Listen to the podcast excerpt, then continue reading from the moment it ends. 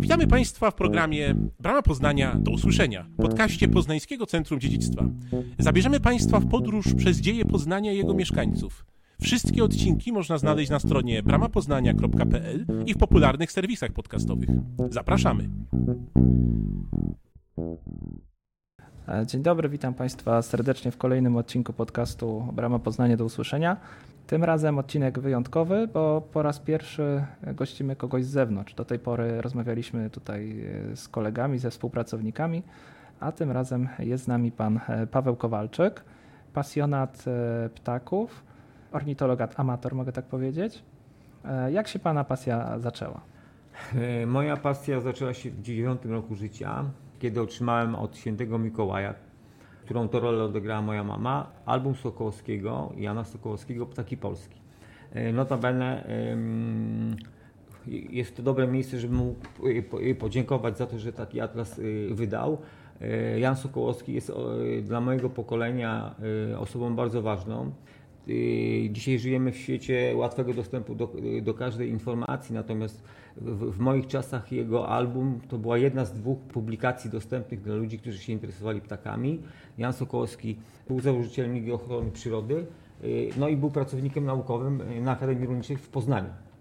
Mhm. Tak jak mówię, no moje pokolenie wychowało się na dwóch publikacjach właśnie na y, Atlasie Ptaków Polski i Atlasie Ptaków Europy i to były właściwie jedyne dwie publikacje dostępne wtedy dla przeciętnego zjadacza chleba.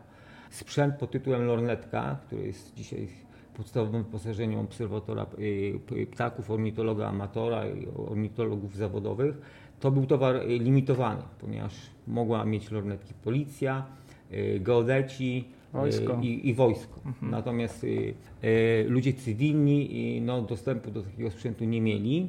Tutaj wyratowała mnie również mama. Mój pierwszy sprzęt to była lornetka teatralna o zbliżeniu czterokrotnym. Y, z którą biegałem po polach i lasach y, przez 3 czy 4 lata. Natomiast potem otrzymałem w prezencie od wujka, który był geodetą, właśnie lornetkę mhm. radziecką o parametrach 10 na 50, która ważyła mniej więcej tyle co ja. Y, no natomiast przybliżenie średnica obiektywu powodowała, że to było takie mi się przesiadł, nie wiem, z syrenki do, do, do Jaguara. To był mój początek. Tak jak powiedziałem, miałem 9 lat. I wtedy sobie po, po, postanowiłem, że zacznę być, y, że kiedyś w przyszłości będę ornitologiem. Taki zawód, jak się okazało, nie istniał jeszcze w tych czasach. Prowadziłem dość regularną korespondencję z Akademią Rolniczą w, y, w Poznaniu, y, ponieważ były tutaj wydawane notatki ornitologiczne, czy, czy mhm. zeszyty ornitologiczne, w tej chwili nie pamiętam dokładnie. I, I to było niesamowite, że taki brzdąc nie wiadomo skąd, korespondował z no, ważną placówką naukową i że potraktowano mnie w sposób i moje prośby o przesłanie informacji na temat właśnie ptaków no, w sposób bardzo poważny. Także tutaj chylę, chylę czoła. Tak się rozpoczęła moja przygoda. Ona trwa do dziś. Czasami przerwy były dłuższe, czasami krótsze. Teraz dość intensywnie od 4 lat zajmowałem się nie tylko obserwacją ptaków, ale również ich fotografowaniem. Udało mi się zorganizować e, cztery wystawy, które miały miejsce w, w Poznaniu. Pierwsza z nich to była wystawa e, w parku e, Kasprowicza. Druga wystawa, chyba największa, jakiej do tej pory miałem, zorganizowało to Centrum Handlowe Poznania. Kolejna wystawa to wystawa organizowana przez Urząd Miasta Poznania.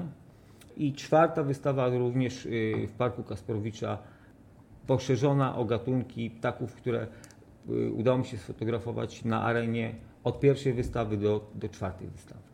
Ja mam nadzieję, że nie ostatnia jeszcze, że jeszcze dużo wystaw przed nami. Też mam taką nadzieję. A gdybyśmy już przeszli do samej obserwacji tych zwierząt. Jesteśmy w warunkach miejskich, tak jak to właśnie e, wygląda w Poznaniu.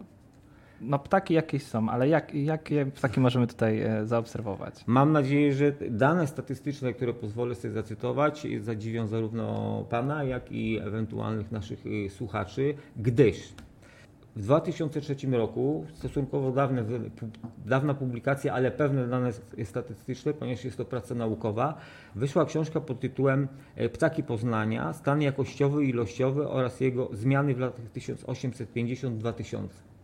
I tutaj w tejże publikacji y, możemy przeczytać na stronie 389, ciągu ostatnich 150 lat udokumentowano występowanie w Poznaniu 255 gatunków.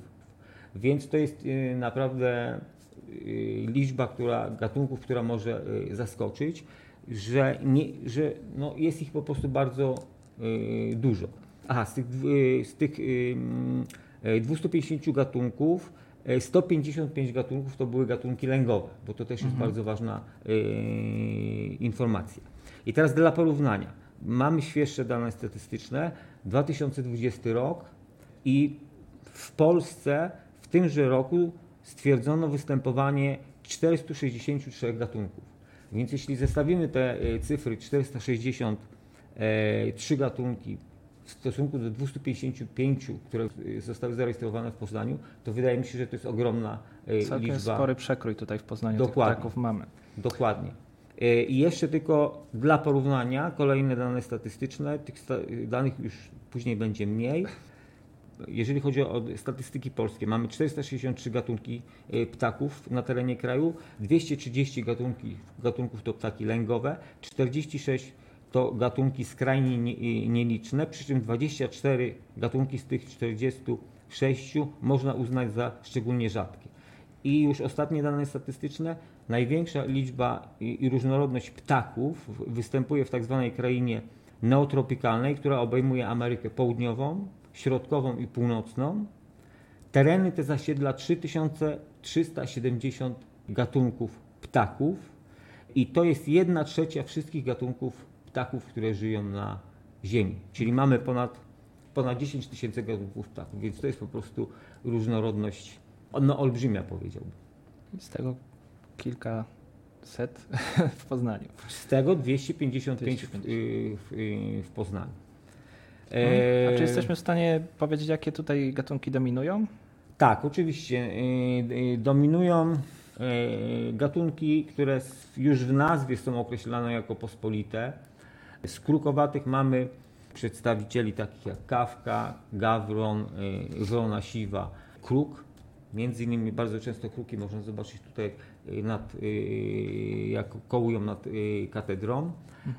To też jest zestaw gatunków, który wymieniam nieprzypadkowo, ponieważ no, jeżeli już ktoś odróżnia kawkę od gawrona, gawrona od wrony, wrona od kruka, to no, osiągnął dość już znaczną wiedzę ornitologiczną. To jest poważny sukces, tak. wyznacznik tak, taki tak, to stopień jest, wtajemniczenia. Dokładnie, pewna taka granica, no, że jeżeli już ktoś te gatunki odróżnia, to naprawdę można powiedzieć, że coś na temat ptaków wie. Dodatkowo, jeżeli odróżnia również występujące dość często na terenie Poznania gatunki pod tytułem wróbel i mazurek, chociaż populacja wróbli się zmniejsza, to również jest to już pewien sygnał takiej dobrej znajomości y, ptaków. Ponieważ jesteśmy w Poznaniu, to kilka słów chciałbym powiedzieć o tym, w, w jakich parkach, które dobrze znam mhm.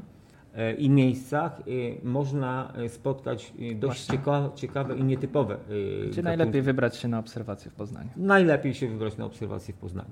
Zacznijmy od najbliższego mi, ponieważ mieszkam bardzo blisko Parku Kasprowicza. Pierwsza wystawa, którą, która została zorganizowana przez kolektyw Pielisko na terenie Parku Kasprowicza pokazywała 20 gatunków y, ptaków, które mi się udało sfotografować na terenie y, tegoż parku. Zdjęcia robiłem przez y, dwa lata i to było 20 gatunków. Niemniej jednak te 20 gatunków nie wyczerpywało całej listy ptaków, które Kilka panu umknęło. Kilka mi umknęło. Tak, i do takich najciekawszych które mi umknęły, bądź zdjęcia nie spełniały jakby moich y, oczekiwań, to były bardzo rzadko występujące i bardzo rzadko można je zaobserwować krzyżodzioby. Mało znany ptaszek. Bardzo mało znany y, ptak, niewielu ludzi wie jak wygląda. Nazwa nie jest, znaczy nawiązuje do kształtu dziobów tych ptaków, które są po prostu wyglądają jak dwa haczyki. Yy, to jest związane z tym, że ptaki się żywią głównie nasionami twardymi, a one, te dzioby pozwalają im e, rozłupywać twarde nasiona. Podobnie jest z grubodziobem. Ptak bardzo ładnie wybarwiony, mający potężny, naprawdę gruby dziób e, i nacisk tego potężnego dzioba może osiągnąć 70 kg jest to jedyny ptak, który kruszy bardzo twarde nasiona. Można, i, i, i to jest naprawdę odgłos kruszenia tych nasion jest tak charakterystyczny i tak głośny, że często można najpierw usłyszeć to łupanie y, nasion, nim zobaczymy przedstawiciela tego gatunku, czyli grubocioba. Z takich ciekawych gatunków na arenie występuje również dość regularnie krogulec. To jest niewielki ptak drapieżny, którego populacja w Poznaniu i w miastach zaczyna wzrastać. Na dzień dzisiejszy jest to również jedyny ptak drapieżny, który poluje na swoje y, ofiary przy karmikach. E, nawet mi się udało sfotografować go. Przystosował się. Tak, bardzo dobrze się przystosował. Zresztą nie tylko on. Przystosowały się również sokoły wędrowne do warunków miejskich. Niedaleko Poznania jest stacja badawcza mm, Polskiego Związku Łowieckiego w Czempiniu e, i niewielu ludzi o tym wie, ale mm, to jest miejsce, w którym po raz pierwszy wyhodowano sokoły wędrowne w sztucznych warunkach. I te sokoły wyhodowane w sztucznych warunkach zasiedliły kilka miast dużych w Polsce. To był taki pilotażowy program, mający na celu reintrodukcję sokoła wędrownego na obszary, w których nie występował do tej pory. I, i no, sukces był niebywały, ponieważ okazało się, że wysokie budynki zastąpiły skały, także ptaki te miały również jakby pożywienie w postaci gołębi miejskich e, i, już w pierwszym roku po wypuszczeniu założyły gniazda. Także to był po prostu sukces, sukces niebywały.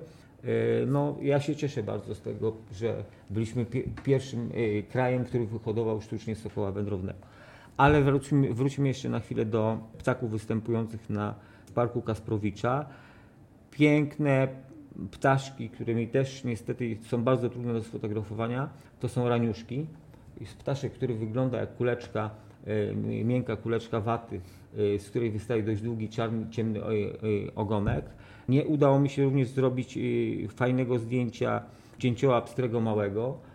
Jest to naprawdę maleńki dzięcioł wielkości pięści, bardzo ruchliwy. W ogóle wszystkie małe ptaszki Y, można powiedzieć, są bardzo trudne do sfotografowania ze względu na to, że mają ADHD. Mhm. Oczywiście nie mają ADHD, natomiast są bardzo y, ruchliwe i nawet kiedy już go mamy często w obiektywie, fajne ujęcie, fajny kadr, to po prostu w ostatniej chwili ten ptaszek nam A z czego to wynika? E, z czego to tak wynika? obserwują intensywnie otoczenie, czy? Mm, e, po pierwsze intensywnie żerują, po drugie żerują w stadach, więc kto pierwszy, ten lepszy. Po trzecie, ptaki, które mają swoich naturalnych wrogów w postaci ptaków drapieżnych, cały czas obserwują, czy coś złego się nie dzieje e, w ich otoczeniu.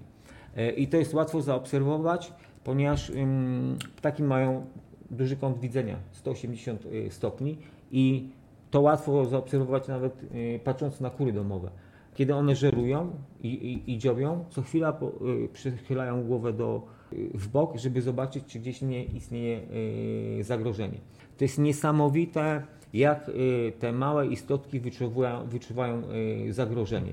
Ja kilka razy byłem świadkiem tego, jak właśnie w parku Arena krogulec atakuje ptaki przy takim dużym karmiku, który jest na terenie kolektywu kąpielisko.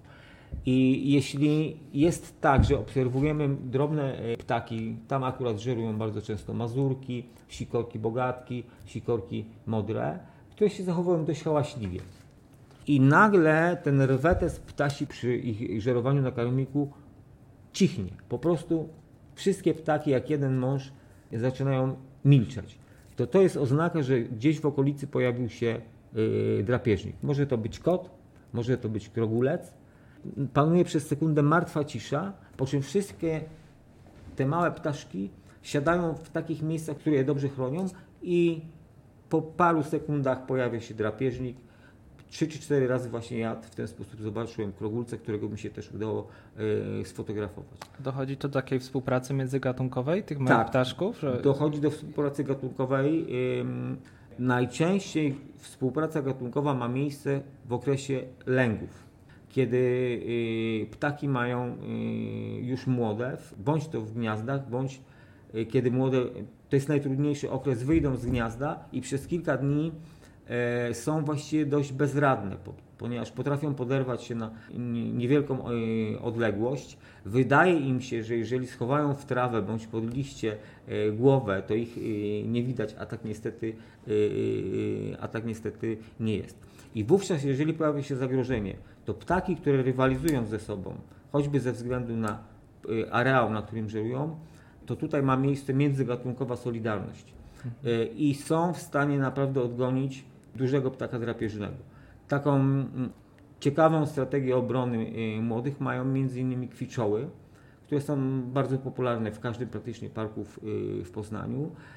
W sytuacji zagrożenia potrafią atakować ofiarę własnym kałem, Między innymi mm, y, pisze o tym Kruszewicz, który jest dyrektorem aktualnie y, ogrodu zoologicznego w Warszawie, że w jakiejś publikacji niemieckiej natknął się właśnie na, e, na artykuł, w którym było to opisane, gdzie pies próbował po prostu wyciągnąć młode ficzoły z, y, z gniazda i został tak zaatakowany, że skamieniał. Powstała właściwie jego rzeźba. Także to jest jeden z nielicznych takich momentów, gdzie ptaki, które z reguły realizują o areał, na którym występują, o miejsce gniazdowe, solidaryzują się w celu ochrony e, swoich młodych. Czyli kwiczoły też w Poznaniu mamy. Mamy w bardzo dużej Musimy ilości. ostrzec wszystkich właścicieli psów. Tak, i kotów.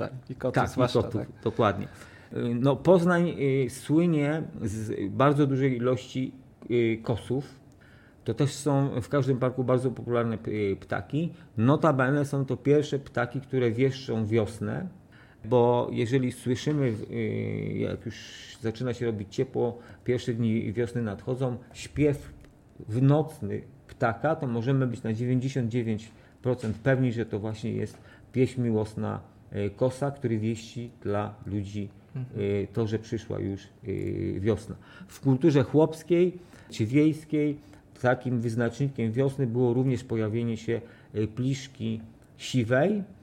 E, jest to również gatunek występujący e, w Poznaniu. Jest jedna para lęgowa w parku naprzeciwko Starej Akademii Ekonomicznej. Ja tą parę pliszek obserwuję od czterech lat w, w tym miejscu.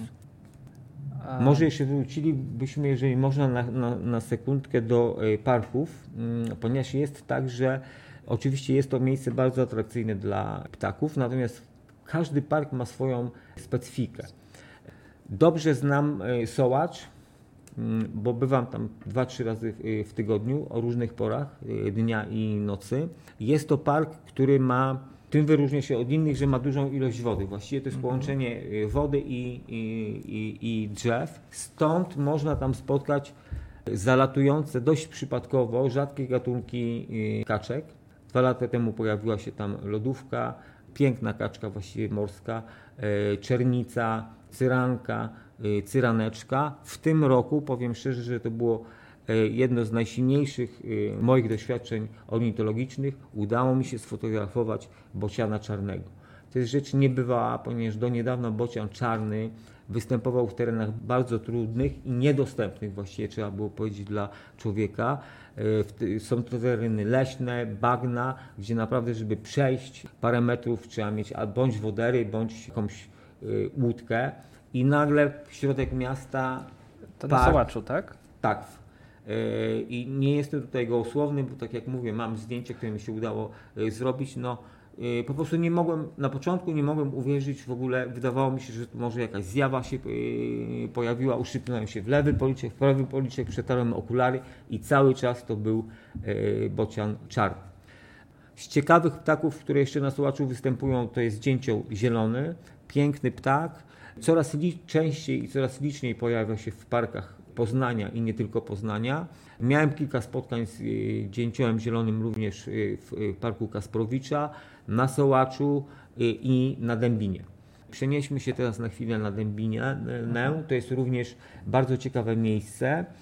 Uwielbiam tam obserwować ptaki w godzinach rannych, zaraz po świcie, ponieważ jest to wtedy enklawa ciszy i, i, i spokoju.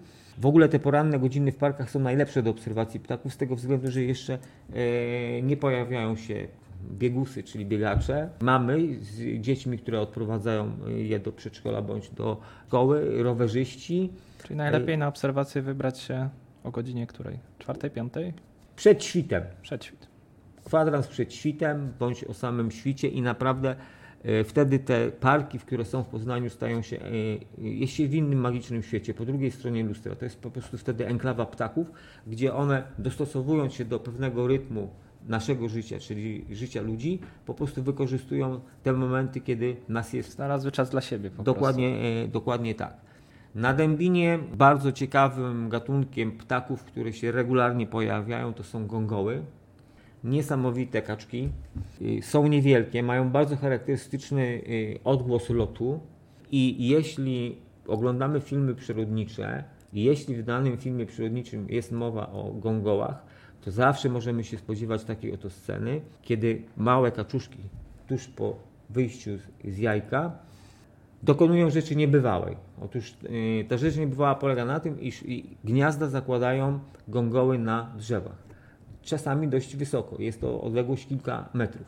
I te maluchy, jak tylko obeschną, zeskakują z tegoż gniazda, odbijają się o miękką ściółkę, o miękkie runoleśne i zaraz za mamą szybciutko biegną, żeby dostać się do wody. To jest rzecz niebywała po prostu, jak te maluchy spadają, nie potrafią jeszcze latać, są praktycznie kilka godzin po tym, jak wydostały się ze skorupki jajka.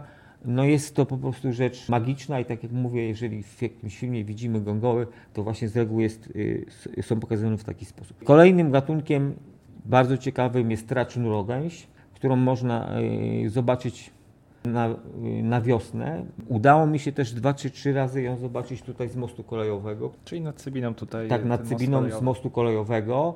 Dość regularnie wygrzewały się na takim ogromnym kamieniu, który nie wiem jak znalazł się w, w Cybinie, ale się znalazł.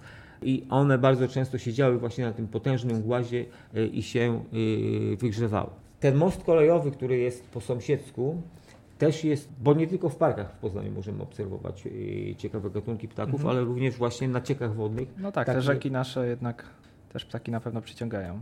przyciągają i to dość e, również rzadkie e, gatunki.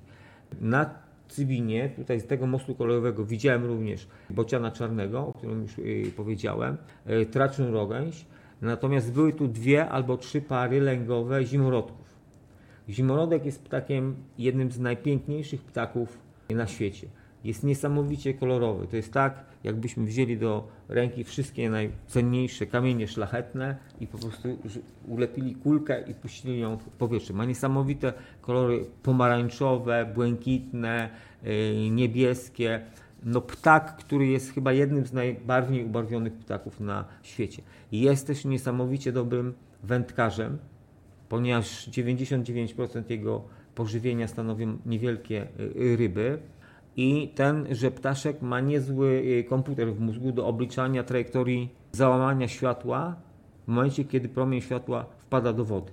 Czy on nurkuje, czy... On w sposób błyskawiczny nurkuje, ale potrafi obliczyć kąt uderzenia, y, który jest inny, kiedy patrzymy z, y, z, z powietrza Rozpoznaje On- to załamanie. rozpoznaje to e, załamanie i w ten sposób e, łapie ofiary. No, trwa to sekundę, takie uderzenie, po czym wypływa z wody, siedzi, siada na, na gałązce, która stanowi e, czatownię, czyli takie miejsce, gdzie poluje, trzyma w dziobie e, tąże rybę, dwa, trzy razy uderza e, nią o konar na, czy gałąź, na której siedzi i ją zjada.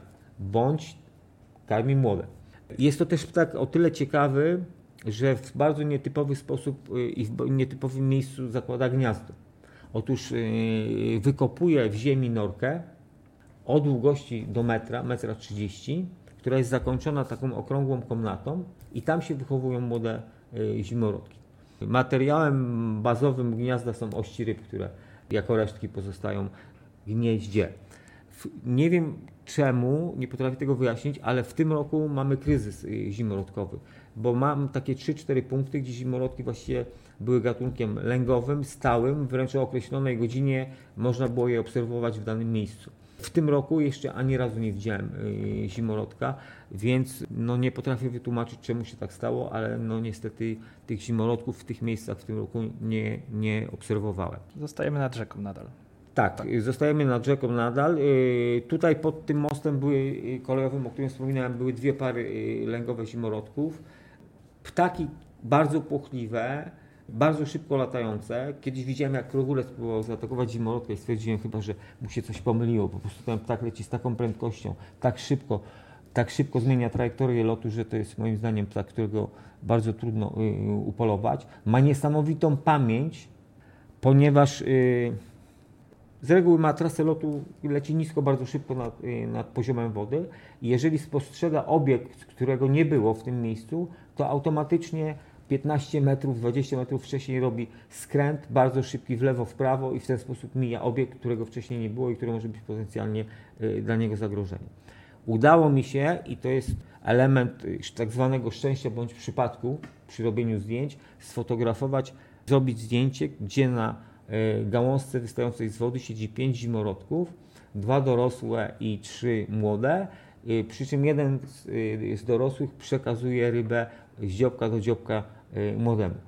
Tutaj przy tego typu sytuacji to jest po prostu fakt i szczęście, że, że udaje się zaobserwować taką scenę i udaje się zrobić ostre, ładne zdjęcie. Pochwalę się, że to zdjęcie w konkursie w Poznaniu na temat, temat konkursu był y, walory przyrodnicze y, Poznania i to zdjęcie zajęło trzecie miejsce.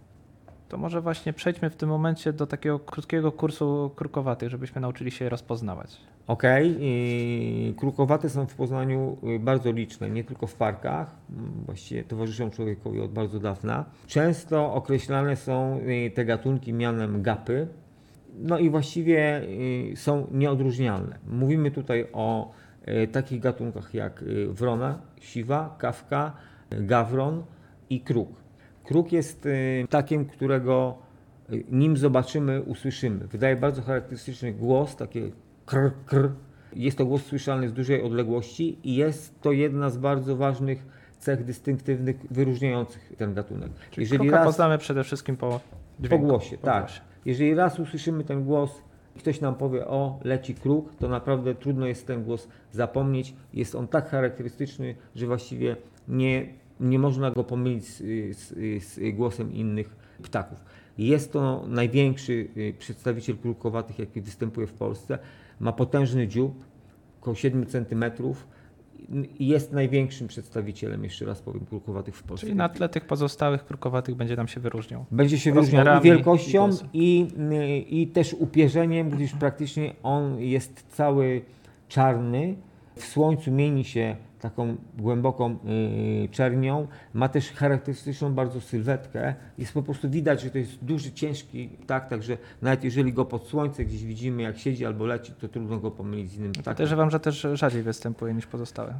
Rzadziej występuje, niemniej jednak jest stałym bywalcem tutaj y, toru lotu nad y, pięknym budynkiem, w którym rozmawiamy. Krąży również bardzo często para kruków nad samą y, katedrą. Bardzo często można je zaobserwować w locie właśnie z mostu kolejowego, który tutaj y, y, sąsiaduje. W latach 70. kruk był gatunkiem zagrożonym w Polsce. No jego populacja się e, odbiła od, e, od dna i na dzień dzisiejszy można by powiedzieć, że jest dość powszechnym gatunkiem.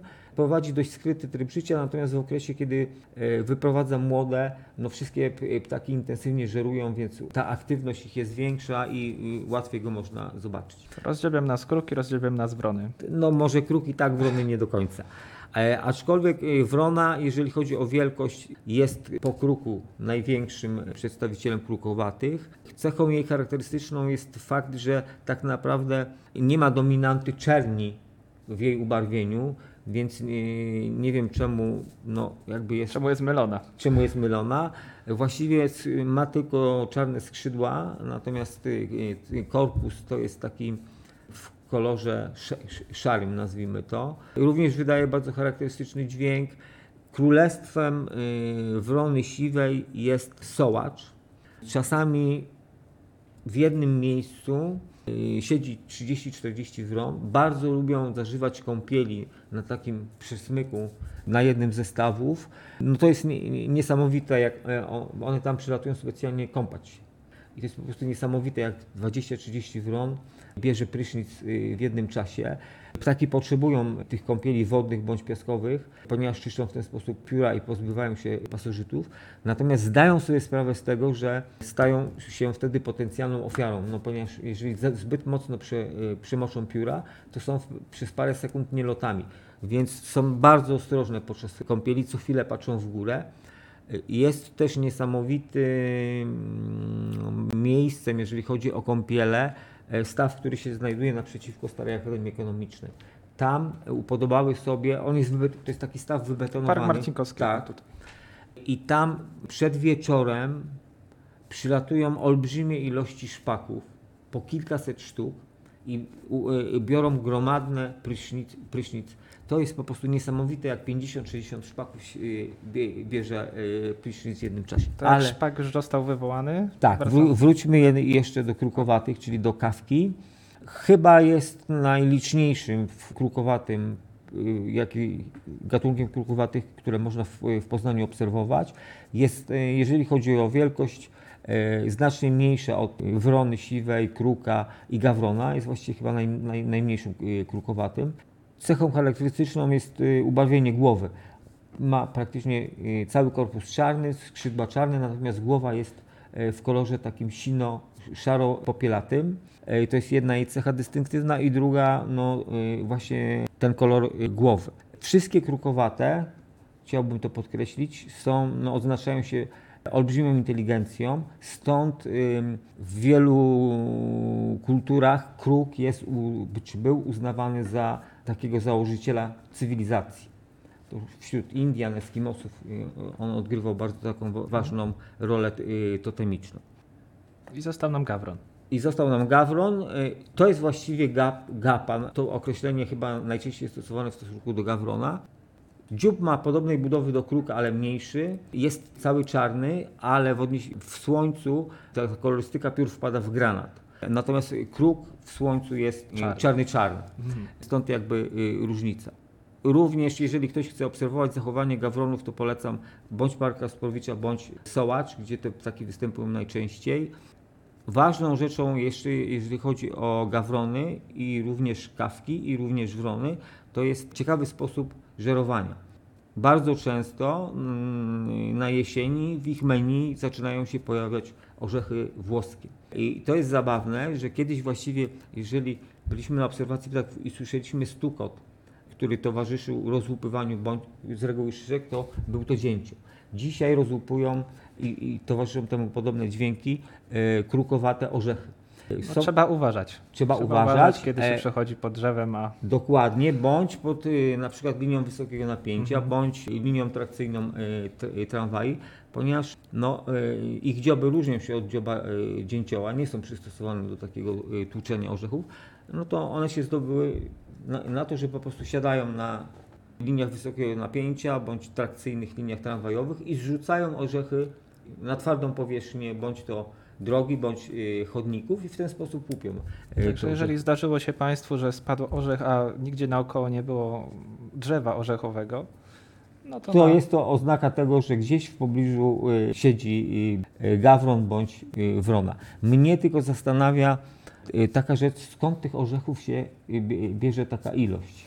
Bo no, dziennie, jeżeli widzimy w jednym miejscu stado 20 gawronów i co chwilę któryś znajduje orzech, a robi to dzień w dzień, to naprawdę jest dla mnie wielką tajemnicą, skąd taka a ilość. trzeba powiedzieć, że powiedzenie, że ktoś je jak ptaszek, no nie jest do końca trafne. Nie, szczególnie w odniesieniu do małych ptaków. To jest y, ciekawe pytanie, ponieważ ptaki małe, takie jak sikory modre, sikorki bogatki, wróble, mazurki, y, strzyżyki, potrzebują praktycznie zjeść y, taką ilość owadów, która jest zbliżona do ich całej wagi ciała Dziennie. dziennie. I to jest również kolejna odpowiedź na Pana pytanie, e, czemu one są takie ruchliwe. No są takie ruchliwe, bo po prostu muszą e, złapać niesamowitą ilość e, owadów, żeby ich zapotrzebowanie energetyczne dziennie się po prostu zbilansowało. Jeżeli jesteśmy przy żerowaniu ptaków, to chciałbym, jeżeli mogę, parę słów powiedzieć na temat czapli siwej, która również często pojawia się na Tak też zdążyliśmy już, już Tak? kiedyś zaobserwować. Tak. tutaj na moście. ym, E, Most Jordana. Tak. Tutaj bardzo często jest, pojawia się czapla siwa, natomiast za mostem kolejowym nie tak często, ale kilkakrotnie udało mi się zobaczyć czaplę siwą, e, białą, przepraszam. Natomiast e, wracając do wątku pod tytułem czapla i e, pożywienie. Kiedyś obserwowałem przez trzy dni po kilkanaście godzin czaplę na terenie stawu, który znajduje się na terenie ogródków działkowych i się te ogródki i ten staw nazywają Kajka. I to jest na, blisko wylotu na y, Bydgoszcz. I zastanawiało mnie y, to, że z wielką cierpliwością czapla siwa przez te trzy dni, po kilka godzin ją obserwowałem, stoi po prostu jak, jak posąg, próbując wypatrzyć y, potencjalną zdobycz. I nie mogłem sobie jakoś w głowie ułożyć faktu, że stoi trzeci dzień i przez te kilka godzin każdego dnia, kiedy na nią patrzyłem, nie złowiła żadnej ryby. I to mi się wydawało nieekonomiczne, bo przyrodą rządzi ekonomia. Tyle i tyle trzeba włożyć w energii, żeby zdobyć pożywienie, więc to wszystko jakby jest w pewnym sensie obliczone. I zrozumiałem tą ekonomię w momencie, kiedy uderzyła, yy, zaatakowała rybę i ją wyciągnęła z wody. Był to karp, który miał około 40 cm długości, a wiemy, że karp nie jest smukłą rybą, tylko jest takim, takim właściwie bardziej kwadratem niż yy, prostokątem. 21 minut zmierzyłem, zajęło jej przełknięcie tegoż dużego y, karpia. Szyja, która z reguły widzimy Całości. Tak, jest y, bardzo szczupła. Widać, y, jak powoli y, y, ta ryba jest y, pochłaniana do y, żołądka. 21 minut y, czapli zajęło połknięcie y, tego karpia. No i też jest to y, moment, kiedy ona jest właściwie bezradna. Bo dopóki go nie połknie, y, myślę, że bardzo trudno byłoby jej y, poderwać się do lotu. Ale też czapla chyba za dużo wrogów. Nie, y, nie ma. Czapla jest, potrafi się bronić. Y, Znaczy, wrogów ma o tyle, że na przykład y, próbuje się z kormoranami bić o miejsce, które jest czatownią dobrą i takie walki obserwowałem w Parku Sołackim. Natomiast czapla jest bardzo wysokim ptakiem. Nie chcę zmyślać, ale chyba jeżeli stoi wy- wyciągnięta jak struna, to od palców po głowę ma m- metr 20 wysokości. Potrafi błyskawicznie uderzać, a jej dziób jest praktycznie jak kinżał albo y, nóż. Bardzo trzeba uważać y, na młode czaple y, podczas liczeń i badań ilościowych, kiedy po prostu liczy się ile w gnieździe jest młodych osobników.